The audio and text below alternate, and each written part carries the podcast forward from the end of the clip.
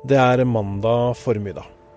Sola ligger over Haugalandet sørvest i Norge. I huset sitt på Karmøy med utsikt over en fjordarm sitter Jakob og venter. Han har venta på dette i 27 år. Han har sett familien gå i oppløsning, og at sønnen har flytta vekk fra Norge. Et land som han ikke klarte å bo i. Nå har dagen kommet. Jeg heter Tor Erling Tømt Ruud, og dette er Krimpodden i VG.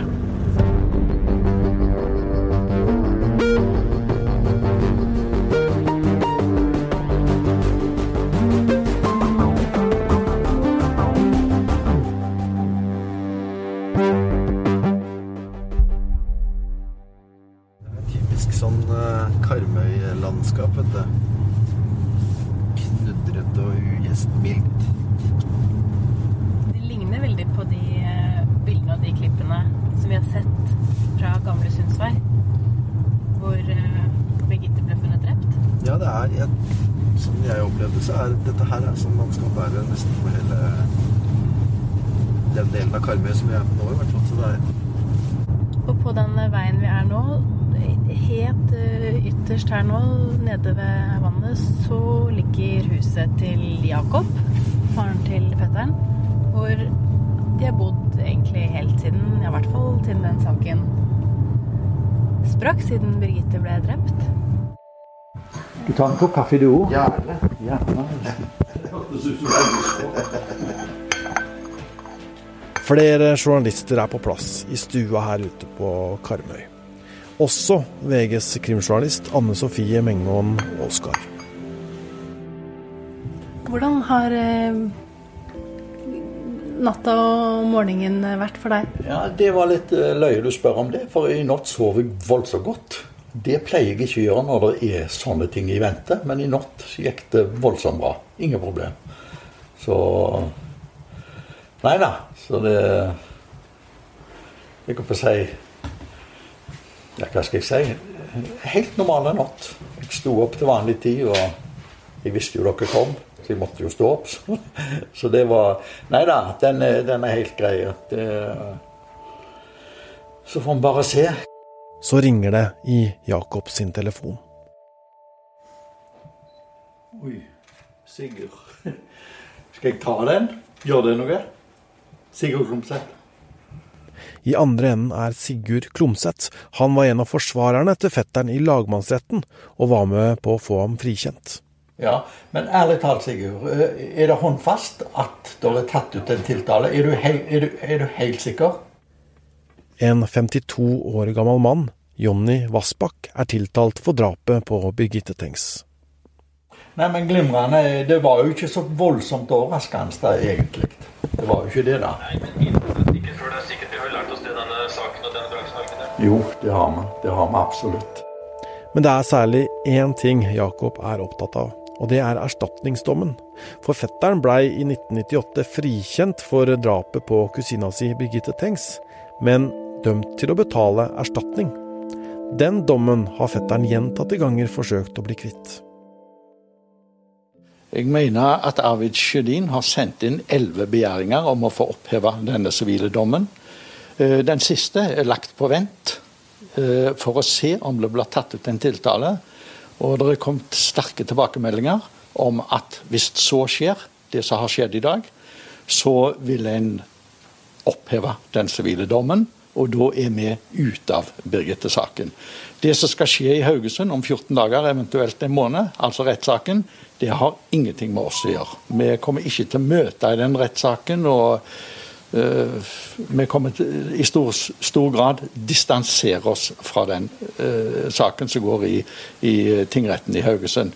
Vi har fått nok av rettssaker.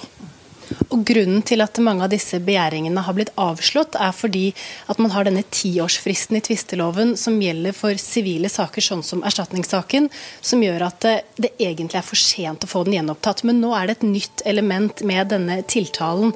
Hva slags håp har du i dag? Nei, altså De signalene jeg har fått fra eksperthold, det er at eh, Norge er ikke eh, på linje med EMK, den europeiske menneskerettighetskonvensjonen, og vi er forplikta til å forholde oss til det regelverket.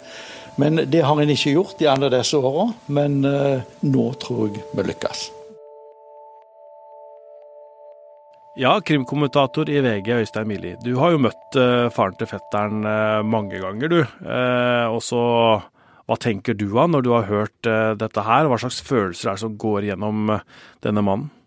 Nei, jeg hadde litt kontakt med, med Jakob eh, etter at det hadde roa seg uh, når tiltalen ble tatt ut. Eh, og han er jo letta over at det har blitt en tiltale, ikke fordi at han vil blande seg opp i straffesaken mot Jonny Vassbakk, men fordi at han leser jo tiltalebeslutningen som et ledd i at um, hans sønn blir mer og mer renvasket, og at flere og flere forstår uh, og at han ikke har noe med dette å gjøre. Og flere og flere beklager jo også. Det ble jo mange beklagelser etter hvert uh, etter at tiltalebeslutningen var kjent. Og så er eh, Jakob skrudd sammen sånn at han tar ikke seieren på forskudd. Han, har, han våkna opp i dag igjen, og den erstatningsdommen den hadde ikke endra seg fra i går eller før tiltalen ble tatt ut.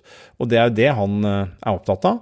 Eh, at den erstatningsdommen som eh, fortsatt eh, stigmatiserer sønnen hans, og som slår fast at han, sønnen, altså den såkalte fetteren, har et økonomisk ansvar, og at det er sannsynlig at det var han som drepte Birgitte Tengs. Og det sier seg sjøl at det harmonerer jo dårlig når politiet nå har tatt ut tiltale mot en annen mann. Og så kom det jo da på tirsdag ut at justisministeren sa at hun ville se på dette lovverket. Ja, og det er ikke én dag for tidlig. Jeg har sagt det før, og jeg, jeg sier det igjen, at altså, juss er jo ikke til for jurister. Det er til for folk flest. Og juss er til for at ting skal være rettferdig, riktig, og at folk skal forstå at det er sånn. Og i denne situasjonen så er det ingen av delene som, eh, som, stemmer. Det er feil eh, at han skal ha ansvaret. Det er en annen mann som er tiltalt. Det er ingen logikk i at han skal ha den erstatningsdommen over seg. Og det er heller ingen som forstår at jussen, som jo skal regulere og beskytte og holde orden på samfunnet, at den skal hindre at rettferdighet skjer fyllest. Altså ved at eh, jussen hindrer at en erstatningsdom som beviselig er feil, at den Eh, skal tas vekk. Det, det, det er liksom jussen eh, et hinder på. Det, det, er klart at det Jeg har ikke møtt noen som forstår eh, akkurat det der, og da er det på høy tid at uh, den eller de som kan gjøre noe med det, og om det er uh, at man kan gjøre noe innen rettsvesenet på et eller annet vis, om gjenopptakelseskommisjonen som noen har vært innom, kan gjenåpne saken og, og, gjøre det den veien, eller om politikerne må inn for å, for å endre loven, det, det, spiller for så vidt ingen rolle. Det viktigste er nå at noen snart ordner opp i, i den uretten som eh, fetteren og hans familie har vært utsatt for i alle disse årene. Så vi kan vel si at eh, hvis den erstatningsdommen eh, på en eller annen måte blir borte, da, så får den delen av eh, familien, da kan du si, fred?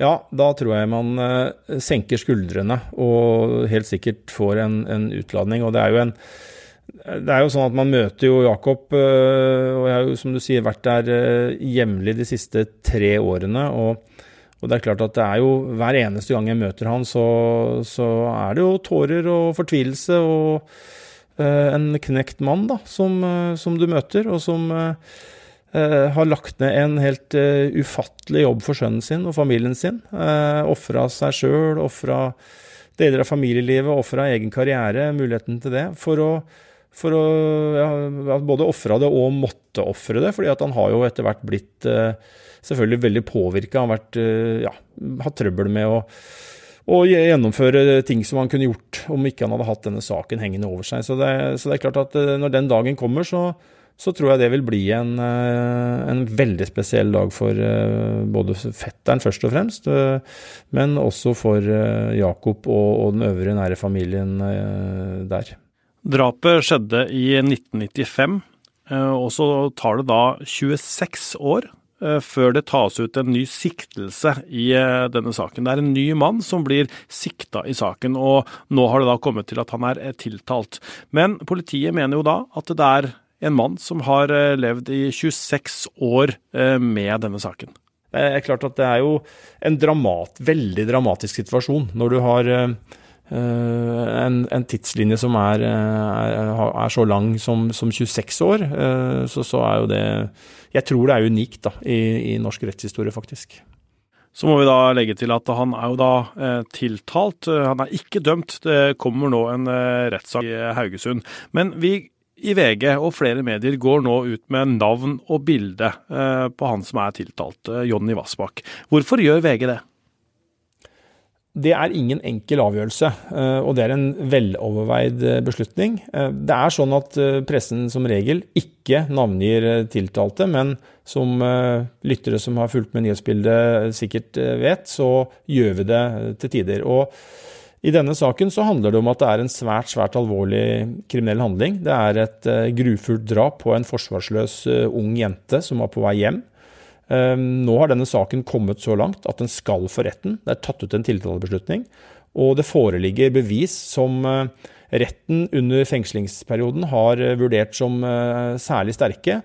Og da mener vi at hensynet til at offentligheten skal få vite hvem påtalemyndigheten anklager for å ha drept Birgitte Tengs, veier tyngre enn hensynet til Jonny Vassbakk. Og så noterer vi oss at han nekter skyld og, og avviser at han har gjort noe gærent. Og det skal vi selvfølgelig ta med oss inn i rettssaken. Ja, Vi i VG er jo opptatt av at eh, vi skal ha litt åpenhet da, rundt disse vurderingene som gjøres da, redaksjonelt, som det heter. Og, og VG har oppretta en, en, side eh, som du som hører på kan gå inn og lese sjøl. Den finner du på vg.no informasjon. Eh, der ligger det en ganske lang begrunnelse for hvorfor VG skriver navnet på, på tiltalte. Er det noe vi har lært av denne saken, så er det jo at man kan ta feil. Ja, og det er jo derfor jeg, som jeg sier, vi kommer til å følge hele rettssaken uh, grundig. Vi kommer til å gi plass til Jonny Vassbakks forklaringer. Vi kommer til å se kritisk på alle bevis, problematisere, belyse uh, og gjøre en ordentlig jobb på det. Så det er, jeg mener at det står ikke noe det er ikke noe kontrast mellom at vi identifiserer han, og at ikke vi kommer til å gjøre den jobben. Eh, årsaken til at han blir identifisert handler ikke om at vi ønsker å forhåndsdømme på noen vis. Eh, vi kommer til å behandle denne rettssaken like kritisk og undersøkende eh, nå, etter at vi har identifisert Jonny Vassbakk, som om vi ikke hadde gjort det. Men det handler, som vi var innom, eh, om at vi eh, de som blir anklaga for de mest groteske, opprørende kriminalsakene, de hender det vi i pressen identifiserer på ulike tidspunkt i en sak. Og nå, skjer, ikke, nå skjer det ikke ved dom, men det skjer ved tiltalebeslutning. og og det er da, som vi var inne på, en, en helhetsvurdering. Men jeg gjentar at det kommer ikke til å det er ikke noe uttrykk for at vi kommer til å selvfølgelig dreie denne dekningen i noen retning. Vi kommer til å gå løs på bevisene politiet og påtalemyndighetene har med det samme kritiske blikket som vi ville gjort uh, om vi ikke hadde identifisert. Vi skal gå gjennom uh, de bevisene som vi veit om uh, snart. Men dette med at noen er tiltalt, hvor sikkert er det da at man har gjerningsmannen? Altså, Statistisk sett så blir jo de fleste som er tiltalt, dømt. Um, uh, og så er det, så er ikke det dermed sagt at uh, alle dommer er korrekte, og det er heller ikke dermed sagt at, at du ikke kan bli frikjent, for det skjer jo. Noen blir frikjent. Uh, så har ikke jeg noe tall på om det er oppadgående eller nedadgående akkurat nå, men, men, men det, altså en sånn sak da, som vi snakker om nå, en, en cold case-sak som har ligget eh, delvis brakk siden ja, i mange mange år, og som ble tatt opp igjen av cold case-gruppa, etterforska grundig over ja, hvor mange år har det blitt? Fem eller seks år. Um, og så vært igjennom da tre instanser, uh, som de mest alvorlige lovbruddene er, helt opp på riksadvokatnivå. Så er det jo sånn at politiadvokat med Ja, for da har det vært gjennom politiet, det har vært gjennom påtalemyndighet, altså statsadvokaten som heter, og så til slutt riksadvokat? Ja, det har det. Og det er ikke noe garanti i seg sjøl. Nå de som vil kritisere det, kan jo si at det samme skjedde jo med fetteren, og det gikk jo gærent. Men, men, eh, men så har det skjedd litt, da, får vi håpe. Og så mm, kan det selvfølgelig hende at vi er fanga av at eh, vi eh, lett tenker at det som skjedde før, kan ikke skje i dag, og at vi er så mye bedre nå enn vi var da. og Det, det håper vi at, at, systemet er. Men, men, men, det er klart at det er viktig å understreke at det at han er tiltalt, er ikke det samme som en dom, og det er først i retten man blir dømt. Og det kommer til å bli en svært grundig rettssak. Det er satt av tolv uker. hvor både vitner i et stort antall og de tekniske bevisene skal, skal belyses. Men, men tiltalte sjøl har jo sagt at dette er et justismord? Ja, og det lytter vi, det lytter vi ordentlig til. Eh, for det, det, er klart at vi har en mann her som kategorisk over tid har avvist at han har gjort dette her. Jonny Vassbakk han har Eh, tidligere. Eh, Innrømma en del av de tinga han har blitt anklaga for, men i denne situasjonen, i, i Tengs-saken, så nekter han kategorisk. Og han er, han er dønn fortvila, sier forsvarerne hans. Han frykter at dette blir et nytt, nytt justismord, og det er klart det skjerper sansene våre at, at han er så til de grader tydelig på at dette er feil. Eh, og vi kommer, som jeg sa, til å følge nøye med på denne saken. Eh, og den kommer også til å bli eh, veldig grundig belyst i retten, da. Så får vi, får vi ta det derfra. Det var den nyoppretta gruppa gruppa på Kripos, altså den såkalte cold case-gruppa, som, som, eh, så eh, på Birgitte Tengs-saken som en av de første sakene som de som så på. De kom med da en anbefaling om at eh, politiet måtte etterforske videre. Det ble starta en ny etterforskning i 2017, eh, og så vet vi da at i fjor så kom det en siktelse og nå en tiltale mot Jonny Vassbakk. hva veit vi om de bevisene som politiet mener å ha funnet? Det aller, aller viktigste beviset, det er jo et, et DNA-bevis. Og det er sånn at eh, på en blodflekk, eller i forbindelse, i tilknytning til en blodflekk på strømpebuksa til Birgitte Tengs, som da politiet mener havna på strømpebuksa under uh, den drapshandlingen hun ble utsatt for, så finn, har man funnet eh, DNA-spor etter Jonny Vassbakk. Eh, og så kommer det garantert til å bli et tema i retten, eh, og i hvilken grad ekspertene kan si noe om eh, en eller andre veien om hvordan dette DNA-sporet fra Vassbakk kan ha havna der. Om det i noen grad kan sies sannsynligvis er avsatt i forbindelse med en drapshandling, eller om det er noe man ikke kan si, og at man da må Uh, anta at, altså, at, man, at, man, at, det blir et nøytralt utgangspunkt på det. Da. At man bare kan konstatere at DNA-beviset hans eh, DNA-sporet DNA hans finnes der, men man kan ikke si noe ut fra hvordan det er avsatt, om, om, hvordan det har skjedd, og når det har skjedd. Og Det er jo noe forsvarerne kommer til å ta tak i i så fall. fordi at De har jo varsla allerede nå at DNA blir sentralt. og De har vært ute i flere medier og snakka om muligheten for oversmitte, og de er opptatt av dette med åstedsdisiplin, og det er bilder fra 1996 som de kommer til å peke på, hvor de kanskje stiller spørsmål ved om de som jobba på åstedet, tok, tok, nok hensyn til dette med faren for at det skulle bli oversmitte, og at DNA fra eh, folk som ikke hadde vært eh, der da Birgitte ble drept, skal, ha, skal kunne ha havna på henne. Så det mm.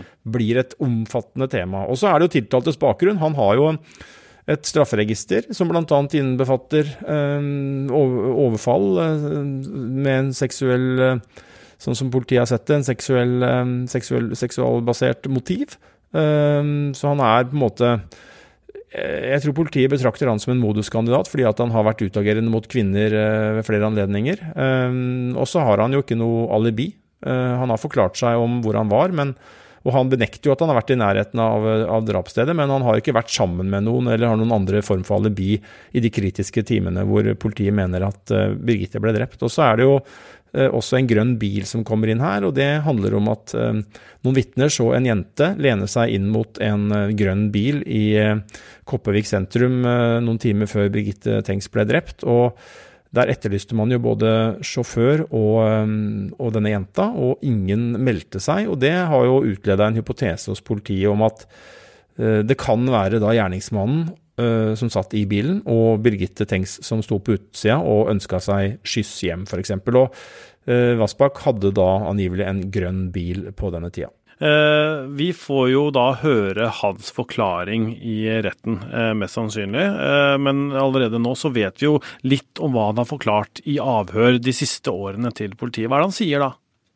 Nei, han var jo ute i, og kjørte bil i, i Koppevik, eller på Karmøy-området den natta. Men han var i, aldri i nærheten av åstedet, har han forklart. Og at han etter hvert dro hjem i Skudeneshavn, som han bor. Og så er han veldig tydelig på at uh, denne DNA-sporet som er funnet på Birgitte Tengs, det, Det har han ikke avsatt den natta. Han har ikke vært i kontakt med henne på noe vis. Og avviser da, som vi har vært inne på, Tor Erling, fullstendig at han er eh, hennes eh, drapsmann. Det har gått 27 eh, år siden Birgitte Tengs ble drept, og nå begynner unnskyldningene å ramle inn. Tor Aksel Busch, som var riksadvokat den gangen fetteren blei dømt til erstatning, han gikk nå i slutten av september ut og beklaga. Han tok selvkritikk. Og så har vi nåværende riksadvokat, Jørn Sigurd Maurud. Han sier nå at han beklager beklager de belastningene fetteren og hans familie har vært påført. Og så gikk eh, politidirektør Benedikte Bjørnland ut i VG og, og beklaga. Hun sa på vegne av politiet vil jeg beklage til fetteren, hans familie og de etterlatte. Og så har han som leda etterforskningen den gangen, eh, fra Kripos, Ståle Fitzhall, gitt uttrykk for at han mener at eh, arrestasjonen av fetteren var en katastrofal feil. Han sier det til den nye podkastserien Tabbene i Tengs-saken saken. Eh, de siterer han på at han beklager sterkt at fetteren blei arrestert og varetektsfengsla. Eh, hva betyr disse unnskyldningene? Det er jo enda en som har eh, unnskyldt seg, Tor Erling, bare så vi har med alle vi er klar over. og Det er jo lensmannen, som jo var ute ganske tidlig etter pågripelsen og, og beklaga. Så det, det, kommer seg, og det er klart at dette er viktig. Det har vært taust fra en del ganske lenge, men nå, nå har det endra seg litt. og det det betyr eh, mye for familien eh, til fetteren. Eh, og så er det jo sånn at ingen unnskyldning kan rette opp i noe av det, det, alle de problemene som har oppstått. Vi har jo vært innom det før, men det er en fetter her som ikke har kunnet bo og leve og, og jobbe i Norge, men som gjennom denne erstatningsdommen og den feilaktige pågripelsen i, av, for drapet på kusina si, så er jo han i praksis landsforvist. Eh, han har jo ikke fått jobb her, annet. Han fikk en jobb en gang og måtte, fikk ikke begynne engang fordi de fant ut at han var fetteren til Birgitte Tengs, og da ville ikke den banken som ansatte han, ha han eh, i arbeidsstokken sin. Så det er klart, eh, dette er jo ting som ikke kan endres på. Dette har skjedd, og dette kommer til å påvirke sannsynligvis fremover også, selv om det nå vil, håper jeg da, bli lettere Eh, for alle å erkjenne at fetteren er helt uskyldig, og kanskje det åpner etter hvert noen nye muligheter for han. Men mens ja, disse beklagelsene er viktige. De veit jeg at, eh, at, familien setter veldig stor pris på og har venta på, og, og da fornøyd at nå, med at de nå omsider kommer. Samtidig så sier vel eh, faren til fetteren Jakob at han samler ikke på unnskyldninger. Han vil ha eh, fortgang i å få bort erstatningsdommen. Ja, det er jo som jeg er inne på, at det, den endrer jo altså Disse unnskyldningene er jo selvfølgelig hyggelige i den forstand at man, man, anerkjenner eh, de feilene som er gjort, og man anerkjenner den belastningen som eh, fetterens familie er påført, og som de aldri skulle ha hatt.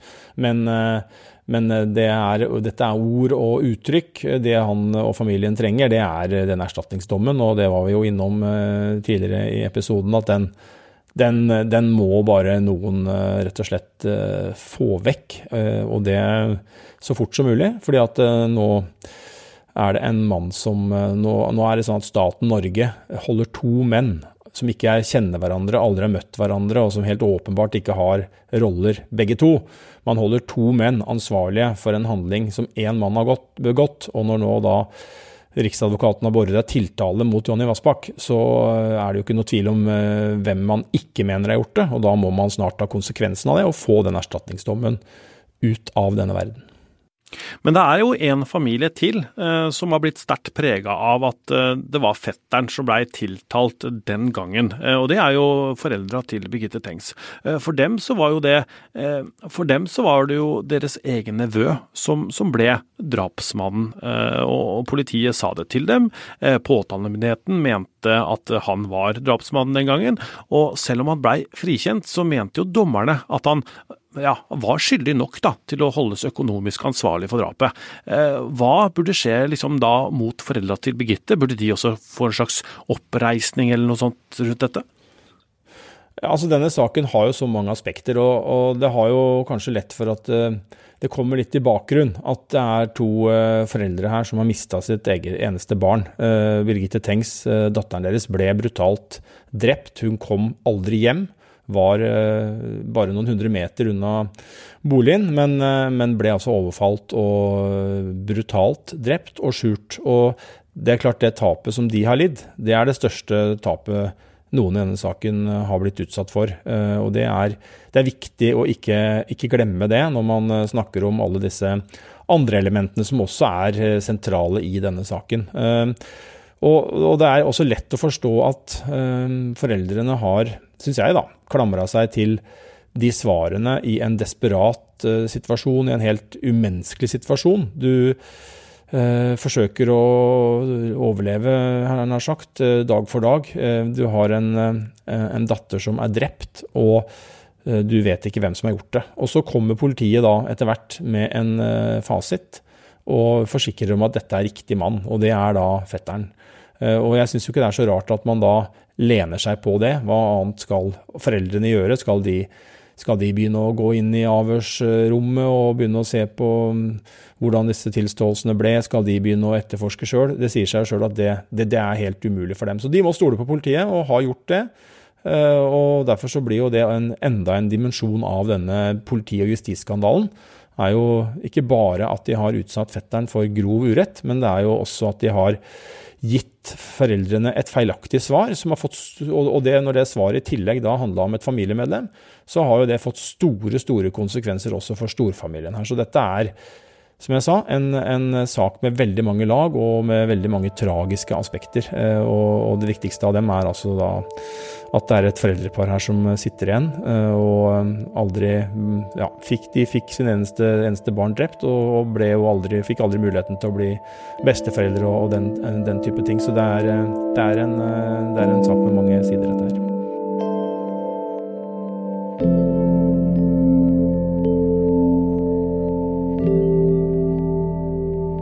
I episoden som kommer på mandag, Øystein, så skal vi gjøre noe nytt i Krimpoden. Da skal vi gå gjennom de avhøra som eh, politiet hadde med fetteren eh, på slutten av 90-tallet. Nå skal vi legge de under lupen, eh, og vi skal se og belyse hvordan en ja, ung mann som nekta for å ha noe med drapet på kusina å gjøre, til slutt likevel tilsto at, at det var han. Det er du som hører på Krimpodden eh, på Podme eller via VG+, som kan få med deg dette her på mandag. For i to episoder framover så skal vi lese fra disse avhøra, og vi kan vel si eh, at det har vært eh, ganske interessant. Ja, Det vil jeg si bare er forordet, Tor Eiling. Det er eh, noen avhør jeg ble veldig overraska over. Jeg har jo hørt mye om dem, og jeg har også titta litt på dem tidligere. Men eh, når vi gikk eh, dypt inn i det, så, så ble jeg veldig overraska over det vi fant. Hjemme i stua til Jakob, faren til fetteren, er det fortsatt flere journalister på plass. Det summer av lyder og småprat. Telefonene ringer ofte.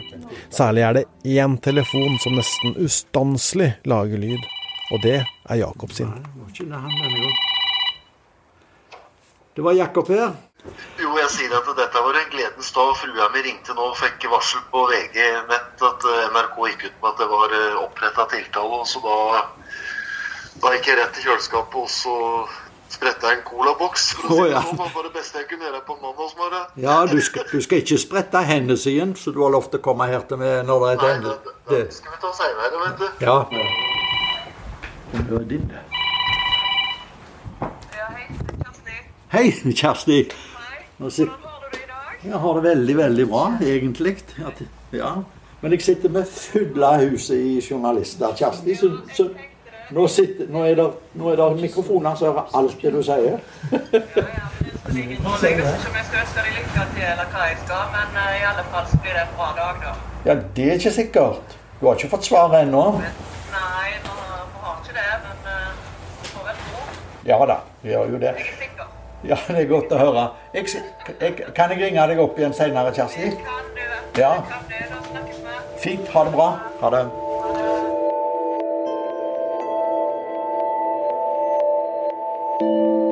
Denne episoden er laga av produsent for Krimpodden, Vilde Våren.